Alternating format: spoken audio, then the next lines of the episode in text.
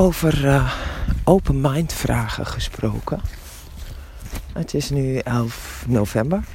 En uh, er zijn al heel wat kindjes langs de deur geweest voor Sint Maarten. En uh, ik heb nu twee dochters die dat lekker voor mij oplossen. Dus die gaan naar de deur en die geven snoepjes. En ja, vind ik ook wel fijn eerlijk gezegd. En um, het is donker en ik wandel met mijn hond. En um, het is een hele uh, mooie, heldere nacht.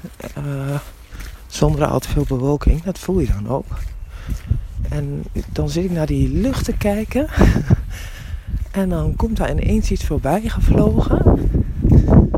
Althans, ja, het beweegt in de lucht. Tussen al die oneindigheid en die sterren. En dat heeft dan uh, ja, die flikkerlampjes natuurlijk. En een groen en een blauw. Uh, en een rood licht.